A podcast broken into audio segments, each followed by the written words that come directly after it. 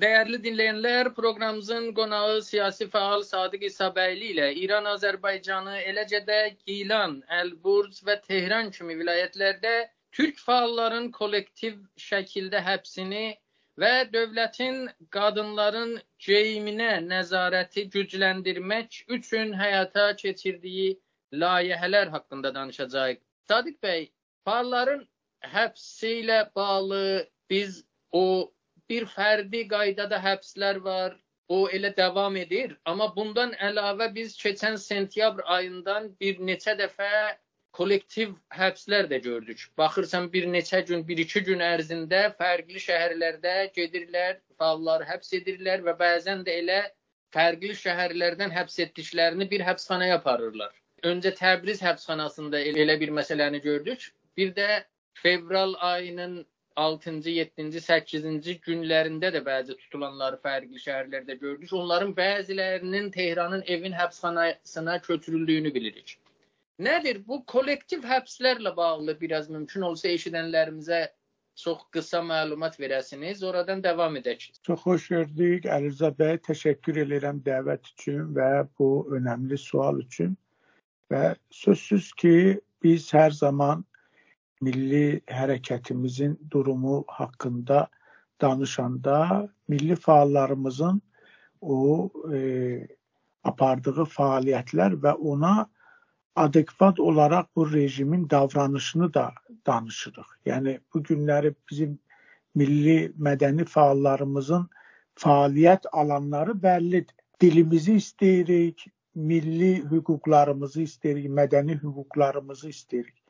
Təbii ki, sizin də dediyiniz kimi bu rejim baskıcı rejim olduğuna görə bu haqları vermək əvəzinə zaman-zaman həbslər həyata keçiribdi, fərdi qaydada bir neçə nəfəri tutubdu, bir müddət onları həbs edibdi. E, sözsüz ki, uzun müddətli həbslər də var, işgəncələr və e, sürgünlər də olubdu. Amma bu son zamanlarda e, sizin də qeyd etdiyiniz kimi sentyabr ayının ayından başlayaraq iki dalğalı e, kütləvi həbs desək daha doğru olar.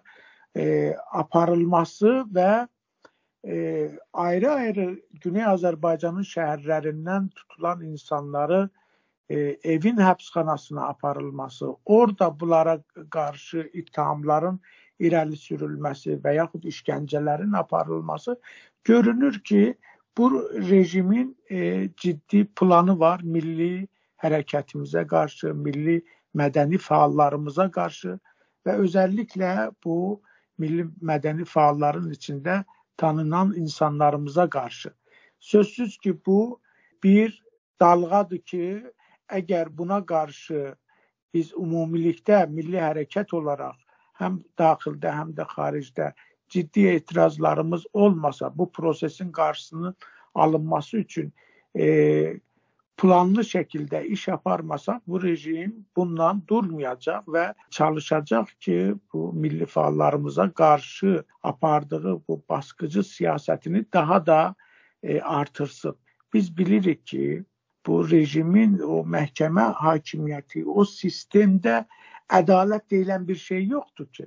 Orada ancaq baskı var, sarsıtmaq var və görünür ki, bunun həm də bir siyasi və əmniyyəti, yəni təhlükəsizlik baxımından rejimin o baxış açısından bir baxış var və bu rejim çalışır ki, yenə də milli hərəkətin içində öz ağlınca bir kontrol sağlasın və ona görə də bu həbsləri və e, bu işgəncələri və bu şəkildə sistematik e, kütləvi həbsləri həyata keçirir.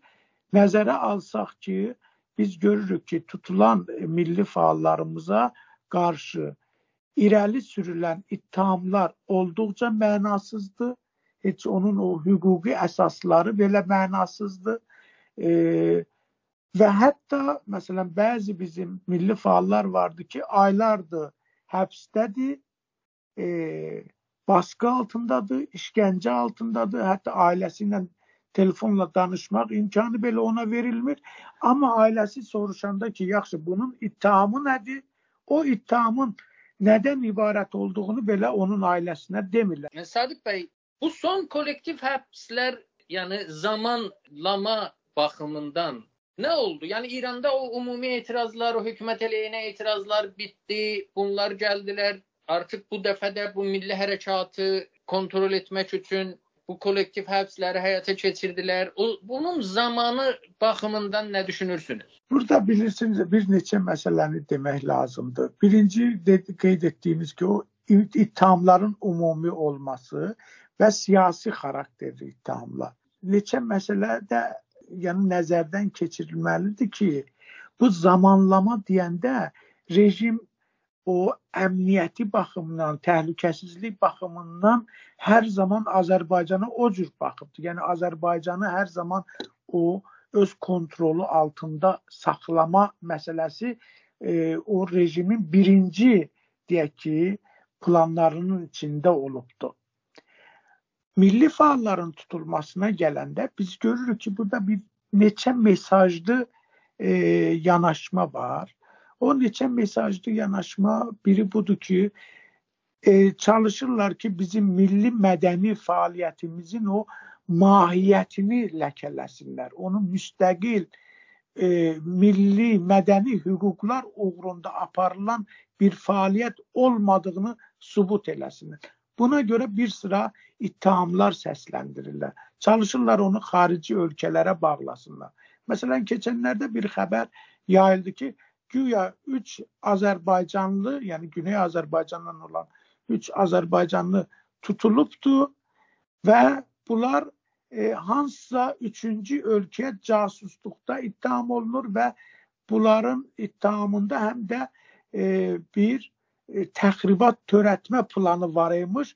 Onu kəşf eləyibdi güya İran adlanan ölkənin o milli təhlükəsizlik ya təhlükəsizlik orqanı. Sonra baxırsan o xəbərin mahiyyətinə görürsən o xəbər kim deyibdi, hansı rəsmi şəxs deyibdi, bunu təhlükəsizlik idarəsi ya orqanı mı yayıbdı, nə olubdu, nə bitibdi, bunların heç birisi bəlli deyil. Tutulan şəxslərin kimliyi haqqında e, məlumat yoxdur. O yazan qəzet və yaxud o e, xəbər saytı ya xəbər agentliyi görürsüz deyir ki, eşitdiklərimizə görə kimdən eşidib, kim ona deyib, nə deyib, necə olubdu bəllidir. Yəni bir ibham içində Güney Azərbaycan Milli Azadlıq Hərəkatına bir baskı uyğulanır və bu baskının uyğulan uyğulanmasında həm dediyim kimi həm siyasi, həm də o rejimin baxışı ilə təhlükəsizlik amili nəzərdə tutulur və fikirləşirlər ki, birinci olaraq Azərbaycan kontrol olmalıdır, birinci olaraq Güney Azərbaycan kontrol olunmalıdır və sizin də qeyd etdiyiniz kimi keçən illərdə, yəni 2020-ci ildəki o kütləvi etirazların başlanğıcında belə ən çox həbs olunan bizim e, belə deyək də Güney Azərbaycan şəhərlərindən oldu və heç rəhm eləmədilər. Yəni ona görə də yəni burada görünür ki, o dediyimiz kimi Güney Azərbaycan Milli Hərəkətinin o milli mədəni fəaliyyətini e, yolundan saptırma məqsədi var.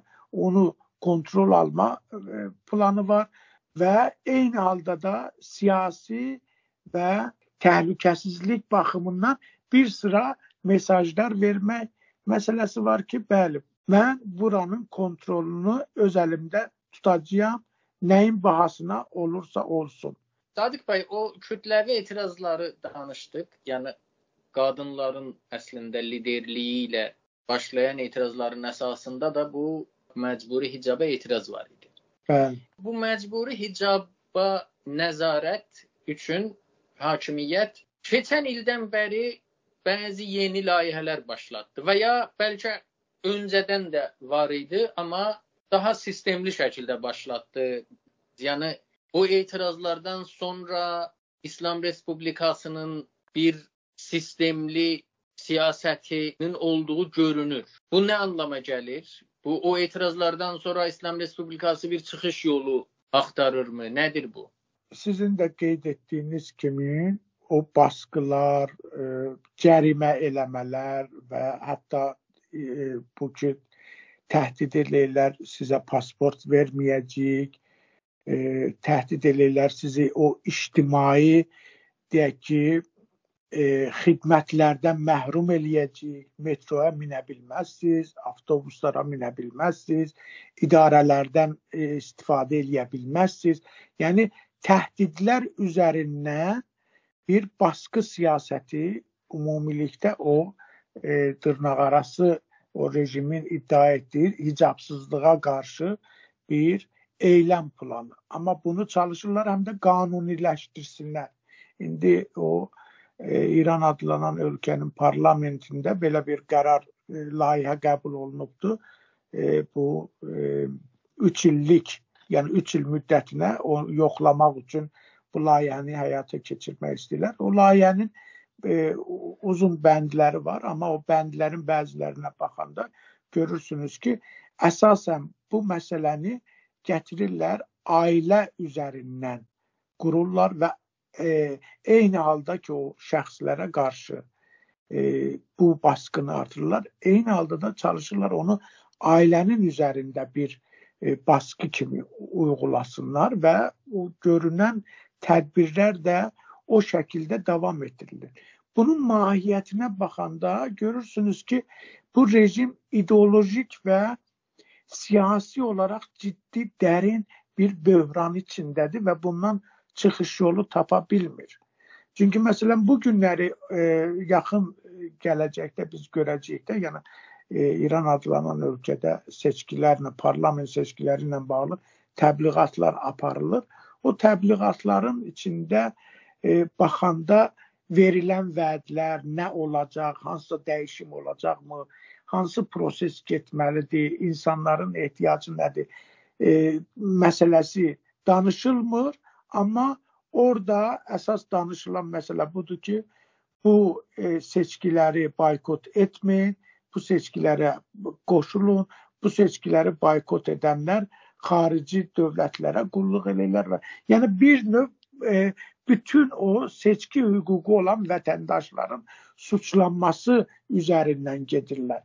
Və o tanınmış güya islahatçı adamlar da deyirlər ki, biz bu inqilabdan, bu hakimiyyətdən küsməməliyik və o seçkidə iştirak elə. Amma gəlirsən o gənc nəslə, o nəsillər ki, bu rejim e, çalışır ki, baskılarını qanuniləşdirsin və onları belə deyək də kontrol altında saxlasın. Onların istəklərinə baxanda görürsən ki, yerlə göycət bu istəklər arasında, tələblər arasında fərq var və o aparılan o statistik məlumatlara baxanda görürsünüz ki, ümumiyyətlə o yeniyetmə və gənc nəsil bu rejimin, bu hakimiyyətin o ideolojik baxışını, siyasi baxışını və onun üzərindən hər hansı bir məsələnin e, qanuniləşdirmə prosesini belə qəbul eləmir. Ona görə də burada gedən bir proses budur ki, xalq və yaxud o vətəndaş və hakimiyyət arasındakı o yaranmış bir dərin uçurum var. O uçurumu qapatma siyasəti e, yanlış olaraq bu rejim elə bilir ki, baskı ilə e, belə deyək, qapada bilər, amma biz e, aldığımız məlumatlar, gördüyümüz belə deyək də reallıqlar bunu göstərir ki, bu mümkün olmayacaq və e, təbii ki, bu baskılar e, tamamilə ayrı bir formada rejimin öz əleyhinə dönüşəcək. Çox sağ olun Sadiq bəy, təşəkkürlər müsahibə üçün. Mən təşəkkür edirəm. Sağ olun.